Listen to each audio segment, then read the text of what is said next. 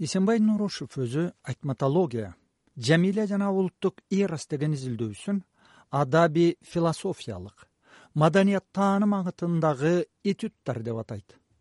Автор айтматов үчүн адабияттын эл аралык дарбазасын ачкан жамиля повестинен тартып жалпы адамзаттык көйгөйлөрдү козгогон кассандранын эн тамгасы кыямат романдарын философия адабият жана маданият таанымдагы кээ бир концепциялар менен теорияларга салып талдоого алат. Буга дейре чыңгыз айтматовдун чыгармалары мындай контекстте изилденген эмес.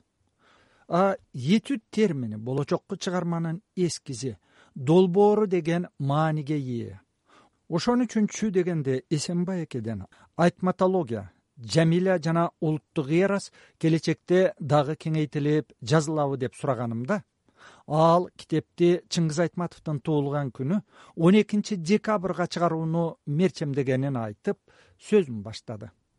Мен муну он экисине чыгарайын деп өзүм бир ырым кылып койдум эле ичимен анан он экисине чыгарайын деп кичине шашып калдым. Ошон үчүн кичине мындай этюдтар формасында кетип калды кудай буюрса мындан кийин келечекте да ошолордун ар бирин кеңейтип кеңири бир изилдөө сыяктуу бирдеме кылсам деген оюм бар анан келечек көрсөтөт. Анан бул китепти кирбей калганда бир топ ошол темалар бар.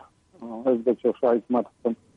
Маңкурту боюнча маңкурт боюнча көп талаштар болгон. Тиги айтматов казактардан абиш кекилбаевден алган андай мындай дегенен бирок мен ошону көрсөтөйүн деп атам. Айтматов эч кимге менен албай эле ал жалпы түрк дүйнөсүндө казактар да кыргыздар да тиги түркмөндөр да э, жашап жүргөн ошол уламышты таптакыр башка өнүктү иштеп чыккан ушул сыяктуу нерселер бар дагы планда. Автордун талдоо объекти жамиля кассандранын эн тамгасы жана кыямат романдары. Ал эми кылым каартар бир күн тоолор кулаганда романдары талдоого алынган эмес. Эмне үчүн менин баардык э, чыгармаларым башынан аягынан э, аягына чейин карап чыгайын деген э, ниетим болгон жок. Мен негизинен ушул этаптуу деген сыяктуу чыгармаларын гана карадым. Негизинен ошолордун тегерегинде көбүрөөк сөз болгон. Жеке менин маанымда ошол сен айткан чыгармалар мындан тышкары жанагы деңиз бойдой жоруткан жоруткан ала дөбөт анан эң акыркысы эң мыктысы ушул жанагы кассандранын эн тамгасы деген чыгармасы да. Ушул өзүнүн мен ошол китепте да көрсөттүм. Кайсы бир интервьюсунда айткан экен. Ушу өзүңүздүн өзүңүзгө жаккан ушундай бир чыгармачылыктын туу чокусу деп эсептеген кайсы романыңыз кайсы чыгармаңызды жакшы айтсак болот десе айтып берем баардыгы эле мен үчүн кымбат баардыгы эле жакшы. Бирок ошентсе дагы мен ушул кассандранын эн тамгасында бир топ нерселерди айттым эле. Бирок адабий коомчулук жакшы кабыл ала албай атат деген сыяктуучу. Жеке менин көз карашымда да ушундай айтматовдун ошол кассандранын эн тамгасында деген азыркы эле доордо эмес. Бул бир топ келечекте доор атүгүл мына пост хюман деп атпайбы адамдан кийинки доор деп пост человеческий эпоха деп ошолорго байланышкан көздөри бар. Азыр мына анан мына биотехнологиянын заманында ачылып аткан соңку ачылыштар айтматовдун ошол романында жазган. Тартынбай эле айтайын олиялык менен айткан көз караштарын баягы белгилеген нерселерин далилдеп атат да. Мына ушуларды кеңирээк өнүктүрсөмбү дегендей бар. Анан башка да бир маселелер бар. Көп айта турганчы азыркы заманга байланыштуу. Өзгөчө мына келечекке байланыштуу автор же изилдөөчү билимдин күчүнө таянып чыңгыз айтматов балким өзү баамдабаган кубулуштарды ойлобогон түшүнүктөрдү кайсы бир концепцияларга схемага салып жазуучунун чыгармаларынан көрсөтүп жаткан жокпу? Бизде азыр адабият көркөм адабият дегенди э, көбү башкача түшүнүп атат. Анан илим дегенди башкача түшүнүп атат. Анан дин дегенди башкача түшүнүп атат.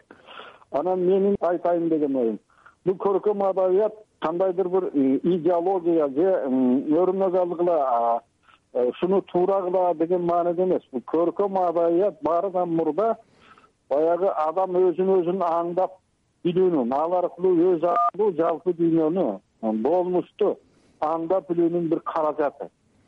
Анан мен көп жерлерде көрүп анан кийин таң калдым мына бул жогорку билимдүү. А түгүл мына ушу адабий билими бар. Адамдар деле ушу айтматовдун кээ бир каармандарын терс жака жоруйт экен. Маселен жамиланы кабыл алышпайт экен кыргыздын көбү элечи ушул быйылкы жылы э, бир топ өзгөчө студенттер окуучулар арасында э, дил баян деп коет го жана сочинение жаздырган экен. Ошонун ичинде аялдардын баары бар. Анын ичинде жанагы танабайдын тамыры ойношу ошого чейин айтышат да оң каарман үлгү турган аялдардын образдары деп а жамиля эмнегедир жок. Анан бирөөлөр айтат бизде ар кандай э, маселе болуп атпайбы кээ бирлер айтат кээ бир биздин диний билармандар бул жамиля туура эмес кылган тиги садыктын талагын алып кетиш керек эле деги эле бул жамиля биздин кыргыздын жолой жошунуна анан кийин салтына ылайык келбейт ошон үчүн биз жамиляны жакшы көрбөйбүз деген сыяктуучу адабиятты мындай түшүнгөн таптакыр жарабайт.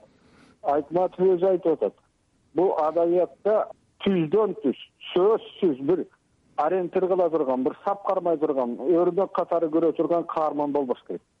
Адабияттын милдети озипасы вазыйпасы таптакыр башкача ал турмушта эмне болуп атат кандай болот ошону гана көрсөтүш ал калганынын баардыгын окурман өзү тыянак жасап өзү бир бүтүнгө келиш керек деп ал жерде жамиляны же башка бирөөнү идеал кылган идеалдаштырган бир дагы жери жок. Айтматовдун каармандарынын баары менимче ошондой.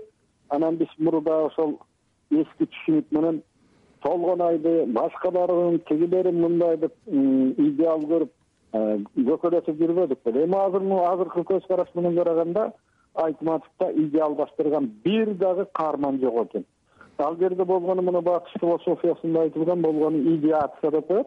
Турмуш кандай болсо дал ошондой болуп көрсөтүш. Бул э, адабияттын көркөм адабияттын биринчи озипасы вазыйпасы ушунда экенин айтматов акыркы өзгөчө акыркы романдарында э, бизге туюнткан экен да. Анан ошону көбүбүз байкабай баамдабай эмне үчүн бул мурдагы салтынан тайып кетти анан фантазияга болуп кетти тигиндей мындай. Эмне үчүн жанагы эле терс каармандар жеңип калат. Жакшылык жеңилип калат айтматовдо деген сыяктуу ушундай бир көз караштарда жүргөн адамдар азыркыга чейин бар тавра кассандрасында айтып атат бул жамандык менен жакшылык бул болмушта бул дүйнөдө экөө тең катар турган бир көрүнүш депчи.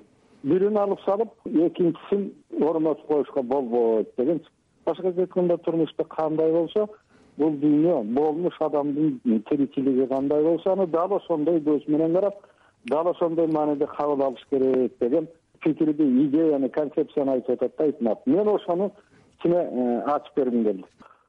Автор же изилдөөчү билимдин күчүнө таянып чыңгыз айтматов балким өзү баамдабаган кубулуштарды ойлобогон түшүнүктөрдү кайсы бир концепцияларга схемага салып жазуучунун чыгармаларынан көрсөтүп жаткан жокпу бул эми мындай да мына курт ванегут деген бар го америкалык атактуу жазуучу. Ооба.